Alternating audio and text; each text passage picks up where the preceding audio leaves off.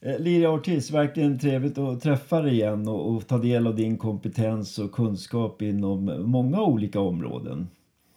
Tusen tack! Det är en jättestor ära för mig att ha ett samtal med dig. Ja. Det är alltid väldigt lärorikt och roligt. Ja, tack du. Och eh, temat då som det blir många frågor och funderingar på när man möter hopplöshet och uppgivenhet och mm, känsla av att inte duga och räcka till. Det här med temat för ordet grit. Du har ju skrivit en hel del litteratur och arbetat med det här i många olika sammanhang. Då. Så jag är lite nyfiken på vad är det här med grit. om man ska försöka beskriva det. Vad står begreppet för? Det som forskning säger är att eh, vi, det är bra att ha talang, om man säger så, Eh, för att utföra någonting. Men egentligen, det som verkar vara viktigaste är att vi inte ger upp. Att vi fortsätter trots misslyckande, trots svårigheter, att vi på något sätt, om vi har ett mål, att hitta den där balansen. När är det dags för mig att ge upp? Och nej, nu har jag misslyckats, den här har inte gått så bra. Men om jag fortsätter anstränga mig, då kommer jag att kunna gå vidare. Mm. Så det, det behöver kanske inte vara talang egentligen, utan just den här ansträngningen, att man verkligen kämpar vidare då? Precis, det är precis det som forskning säger att jo, talangen så det är bra att ha, men det är inte det som är avgörande. Nej. Utan att det verkar som de, eh, när den här forskaren Angela, vad heter hon i efternamn, Duckworth, ja, precis, ja. Ja. Eh, när hon forskade på det, då observerade hon det. Att visst, det, det var några som, eller många som hade talang för olika saker, men det var inte de som eh, kunde uppnå många gånger sina mål. Mm. Utan det var de som kunde tåla att jo, ibland gick det väldigt jobbigt, ibland var det inte alls bra, men de inte gav upp. Mm. Utifrån din erfarenhet nu då, hur kommer det sig att vissa har det här och andra inte har det här? Då? Hur kan det vara så att vi är så olika här? Att, vad, vad är det som gör att vissa har det och vissa har inte gritt? Det är, man är inte säker på vad det handlar om, men några idéer är att delvis är genetiskt, delvis är medfött. Men det räcker inte med det, utan sen är omgivningen, hur man bemöter man ett barn till exempel. Mm. När barnen anstränger sig för att göra något, mm. barnen misslyckas och sen säger jag vill inte fortsätta. Vad säger man då? Mm. Säger man ah, okej, okay, jo, du misslyckades, då okej, okay, det får vara så. Mm. Eller försöker man säga att, jo, det är normalt att ibland ramlar man, mm. ibland går det inte så bra. Det är till och med så att många personer eh, vill inte använda ordet misslyckande. Och säger, men det är en del av livet. Mm. Eh, oavsett hur du kallar det, ändå det kommer att finnas gånger som det går bra och andra som går dåligt. Det, det, är en del av det hela. Och det är en hela mm. utvecklingen. Det är en, ett, vad ska man säga, en del att gå vidare, lära mm. sig något nytt. Så det kan vara någonting som är medfött och samtidigt är det väldigt beroende på hur man blir bemött under de unga åren. Vad man får för typ av återkoppling när man får motgångar och så vidare. Då. Det stämmer precis, Staffan. För att det som är alltså när eh, medfött. Sen det finns en interaktion med omgivningen. Mm. Omgivningen kan förstärka vissa genetiska drag mm. eller inte. Och med det här är lite så också. Mm.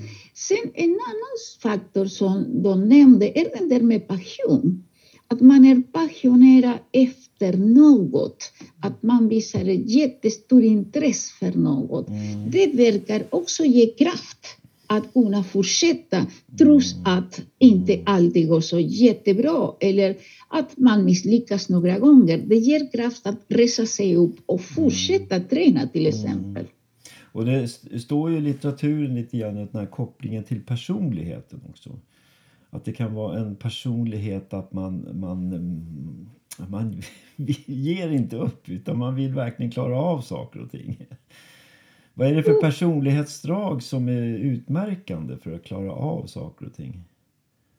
Det är redan, jag tror inte så jättemycket på dessa begrepp om personlighet. Mm. Utan för att det förändras över tid. Mm. Och om vi tänker att en person har en viss eh, personlighet, då tänker vi alltid jo, men personen är på ett visst mm. sätt.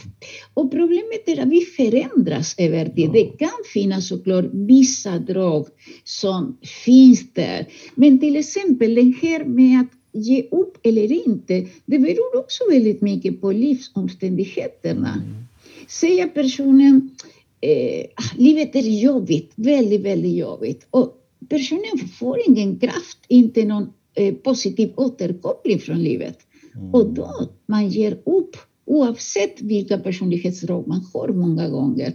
Så, men som sagt, jag vet att det är många ja. olika sätt att se på det. Men som sagt, personligen, den där med personlighet är eh, lite emot det begreppet ja, alltså, alltså, personligheten blir ju lite grann präglad av sin situation, av den omgivningen man är i. Och det kan variera under tid och år naturligtvis. Det stämmer precis Staffan. Att om vi pratar om personlighet som någonting som vi kännetecknar, eh, mm. hur vi reagerar idag, då håller jag med. Men om vi pratar om någonting om personlighet som någonting som är nästan medfött, och som alltid finns där, då skulle vi prata om andra saker som till exempel karaktärsdrag eller något annat. Ja, precis. Ja. Så vill säga hur man uppfattar sig själv. Och det kan ju också bero på vilken omgivning man befinner sig i. Ja. ja. Absolut, det är spännande. Eh, det står ju i litteraturen att det, man kan också, enligt Angela, då, professorn här, att man kan mäta grit med olika kriterier. Eh, till exempel att man kan göra ett test så att säga. Det är ju tio olika faktorer. Stämmer. Ja, en, det är lite spännande med de här att eh, man ska fylla i då en, från en skala till 1 till 5 då på olika uttalande. Och till exempel att jag kämpar mig förbi motgångar, jag ger inte upp lätt. Vad säger du om de här um, tio kriterierna? Komma fram till hur är min grit just nu? Precis, jag tror på det, att det kan ge oss en fingervisning om hur är det med min grit, min uthållighet just nu i den här stunden. Mm. Men återigen, det som jag alltid reagerar är att det är inte så att det är just nu. Hur kommer det att bli i framtiden? Det vet vi inte riktigt. Men just nu är det så, ah, just nu på grund av olika omständigheter då är man en person som kämpar mera, som mm. inte ger upp så lätt. Mm. Kanske i andra stunder i livet, mm. då den där förändras. För mm. jag tror att vi måste alltid ta in livets variabler. Eh, livet kan vara verkligen fantastiskt och det kan också vara förjävligt. Och såklart det kommer att påverka oss hur mycket vi tål, hur mycket vi är beredda att kämpa just då. Precis. Alltså vi, vi möter ju alla eh, nederlag och motgångar och eh, besvikelser på olika sätt eh, då. Och, och, det är frågan hur vi återhämtar oss efter det lite grann då. Och det ger ju lite erfarenheter också på hur man gör så att säga. Om man går undan eller om man tar nya tag och så vidare då.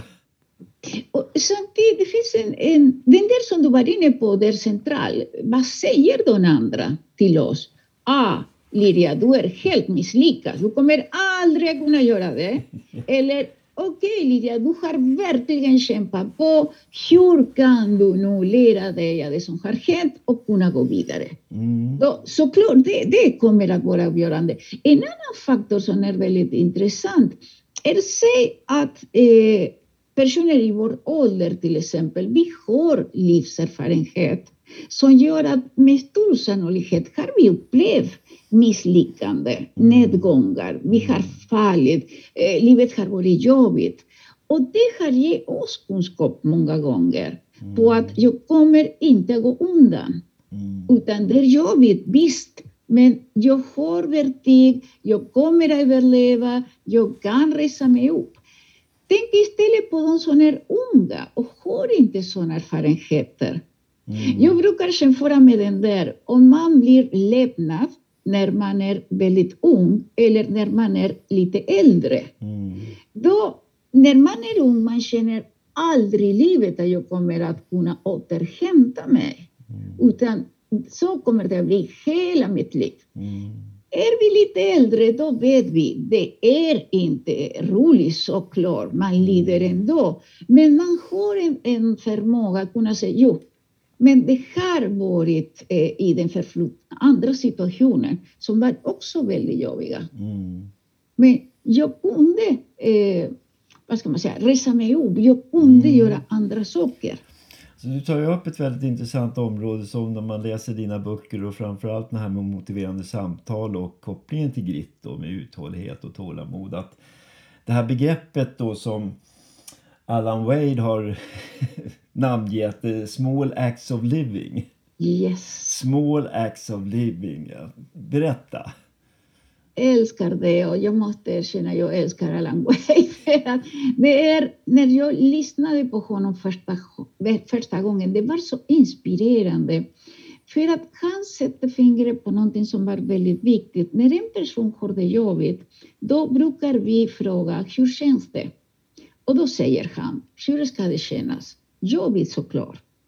Och sen fortsatte han med att säga, det vi inte frågar så ofta, vad gjorde personen för att överleva, för att behålla sin värdighet i den jobbiga situationen?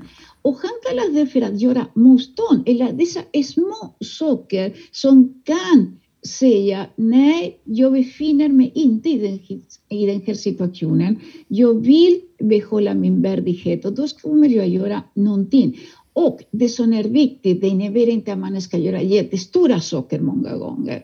För när man är utsatt många gånger kan man inte göra det. Mm. Men man kan tänka någonting, man kan känna någonting, man kan göra någonting som förstärker den känslan att jo, jag är värdig i en ovärdig situation. Mm. Och det, så säga, det var för mig så otroligt fantastiskt. För att samtidigt gav mig verktyg för att tänka hur kan jag göra Mm. för att framkalla den här, förstärka den här med Mm. klienterna.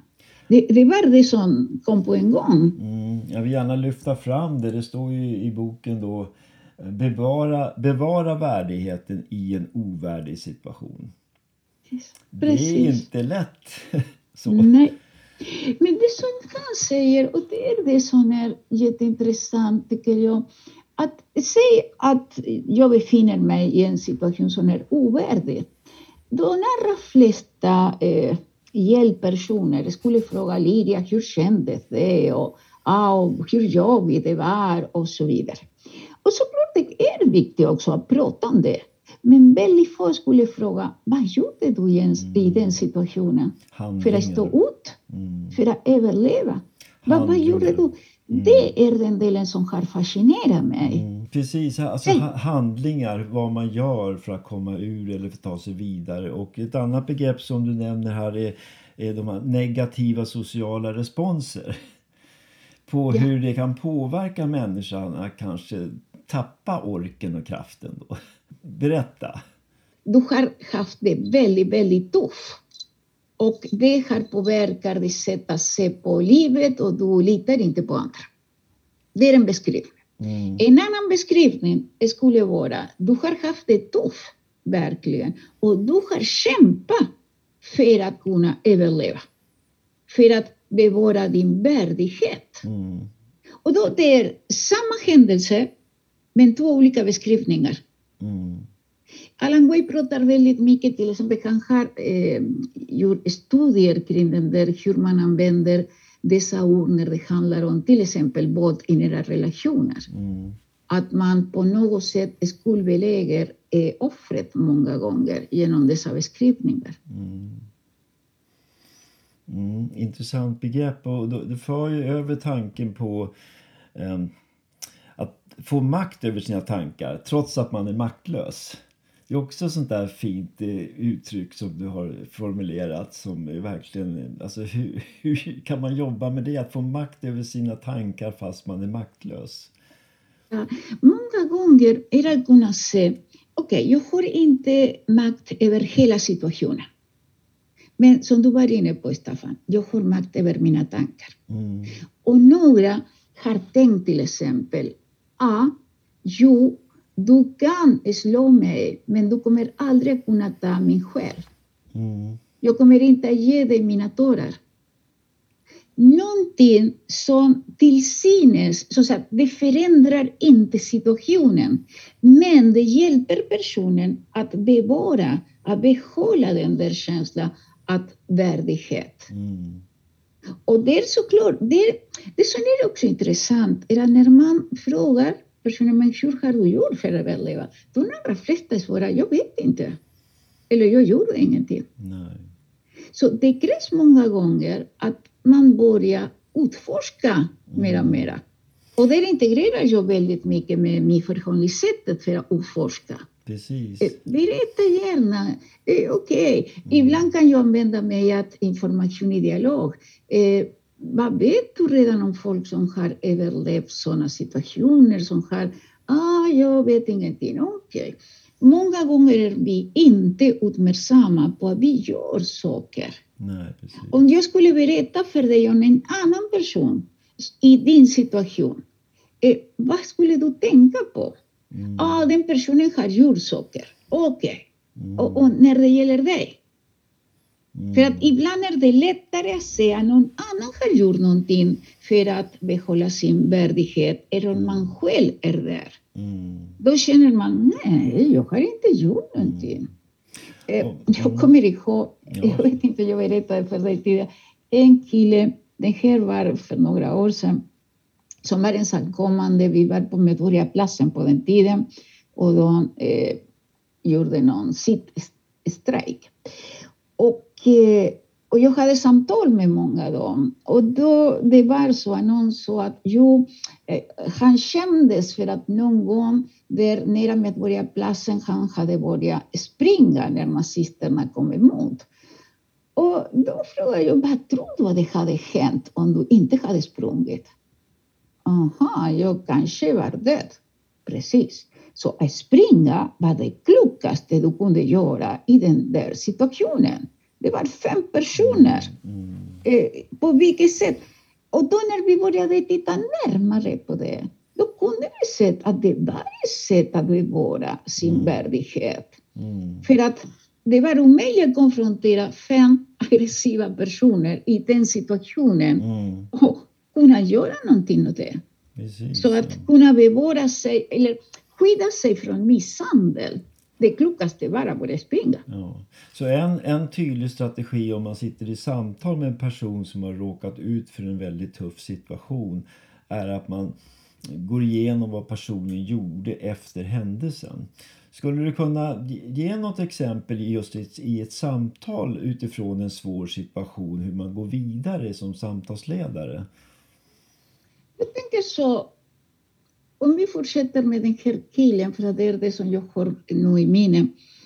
Är det så att då börjar man fråga eh, responser. Vad gjorde du då? Mm. Då frågar vi inte i den stunden hur kändes, Nej. utan vad gjorde du då? Mm. Ah, jag började springa. Mm. Okej.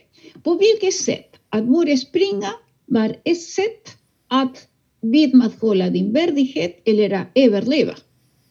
Mm. Ja, för att annars hade jag blivit misshandlad eller Mm. okej. Och vad tänker du kring det du gjorde? Mm.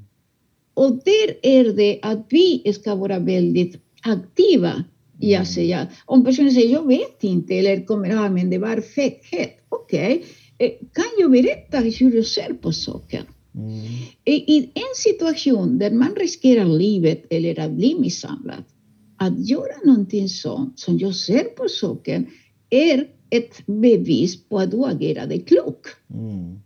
Du agerade utifrån din överlevnadsinstinkt. Mm. Och då börjar man utforska, vad tror du om det jag säger nu? Mm. Och de andra flesta säger, ja, jag hade inte tänkt så. Mm. Okej, och nu när vi pratar om det, Mm. Jag kanske var klok att jag gjorde det. Precis. Ja, och sen om jag förstår det rätt då så kan man följa med en människa i vad som hände sen och vad som hände sen och så bekräftar man hela händelseförloppet kanske flera dagar efteråt. Ja.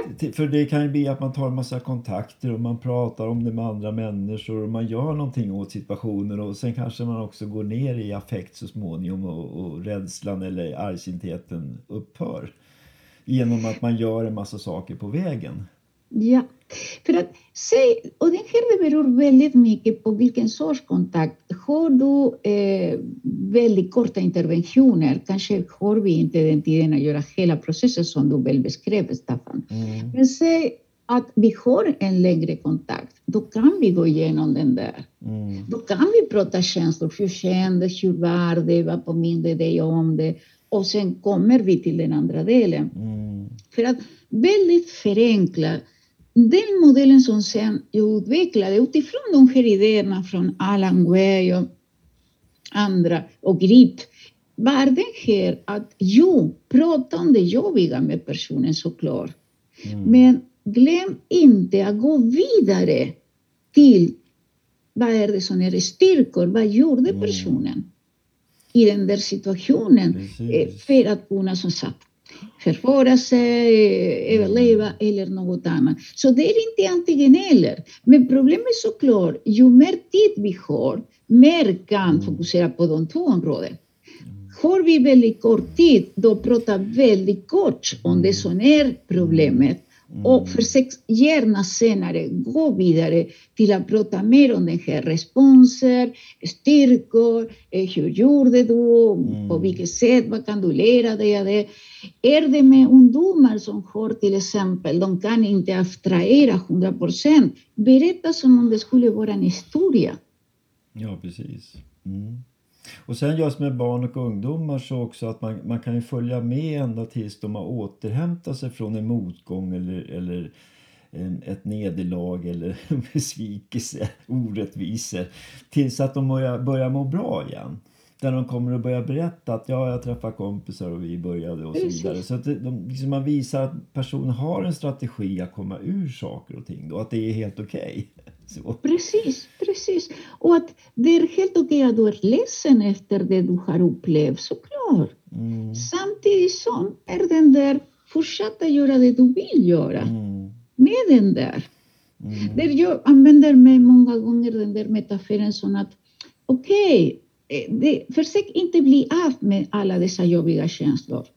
Utan lägg dem i en ryggsäck. mm, De kommer att följa med dig. Mm. Men du kommer också vara friare att kunna göra det du vill göra. Så det handlar inte om att kämpa emot sina jobbiga känslor. De är en del av livet. Ibland kommer de att finnas där och att göra livet surt för dig. Samtidigt som, i den mån som du går mer och mer i den, eh, vad ska man säga, inriktning du vill, det kommer att bli lite lättare. De kommer att göra sig påminda ibland, men de kommer inte förhindra dig att leva och göra de saker du vill. Nej. Eh, Lilja, du har ju haft eh, säkerligen och, både utbildar och har samtal och handleder i det här området. Och, vad säger du om det här när, när mottagaren då, när liksom det faller ner, allt faller på plats, att jag kanske har en del styrkor ändå. Du får väl uppleva en hel del sånt när du vänder på hela resonemanget. Så. Jo, den där, framförallt det som väcker uppmärksamhet är när jag säger fråga inte våra känslor. Nej. För att jag är väldigt noga med att såklart kan du fråga om känslor eller om personen pratar känslor, såklart ska vi göra det. Men om du inte har tid, om du inte är en terapeut som kommer att veta med det, prata väldigt kort om det och sen gå vidare till de här responserna. Vad gjorde personen? Vad hjälpte till att överleva? Att stå ut med den situationen. Mm. Och för de allra flesta, det är en aha-upplevelse. Mm. För att såklart, vi, delvis är vi genetiskt programmerade såklart att uppmärksamma det negativa. Problemord ger responsen i hjärnan väldigt, väldigt snabbt. Mm. Eh, Och delvis har vi blivit tränade. Mm. Och därför brukar jag säga att det är ingenting fel i det. Såklart ska vi också prata problem, såklart. Mm. Samtidigt som det jag skulle vilja gå också till den andra sidan. Mm. Det är inte antingen eller, det är både och. Mm. För att då kan man förstärka väldigt mycket den där och göra personen uppmärksam på att Jo, du var en person som var aktiv på det viset med de resurser du hade just då. Mm. Liria, när man lyssnar på dig nu, du ingjuter verkligen hopp och mod. Så jag hoppas många får träffa dig och höra det här och så. så tack Liria! Vilket mycket stoff att hämta här och kunskap och kompetens. Ni som lyssnar nu så vill jag bara varmt anlita, ta kontakt med Liria för att reda ut det här och få den här hands-on hur man gör i själva samtalen också. Att leda en person från uppgivenhet och att inte räcka till och känsla av att inte duga. Det, alltså det behövs verkligen. Så jag vill varmt rekommendera framförallt två böcker då. Det finns, du har ju skrivit så många böcker Lilia, men Motiverande samtal, Emmy och Grit, med ensamkommande. Och den räcker ju till för många andra situationer också. Så det är barn och ungdomar överlag och vid motgångar och nederlag och så vidare. Besvikelser. Och sen vill jag samtidigt också eh, passa på att rekommendera den nya upplagan då som tillför ny text också. Motiverande samtal i arbete med våld i nära relationer. Eh, verkligen ett viktigt område i dagens situation då. Så tack Lea för det här. Vill du tillägga någonting tack. nu innan, innan vi avrundar så här av det vi har pratat om? Eh, motiverande samtal, kommunikation och gritt och uthållighet ställer alltid så intressanta frågor, Staffan. Så tusen, tusen tack för det. Ja, men tack. Så här, på återseende då. Så här, tack så mycket.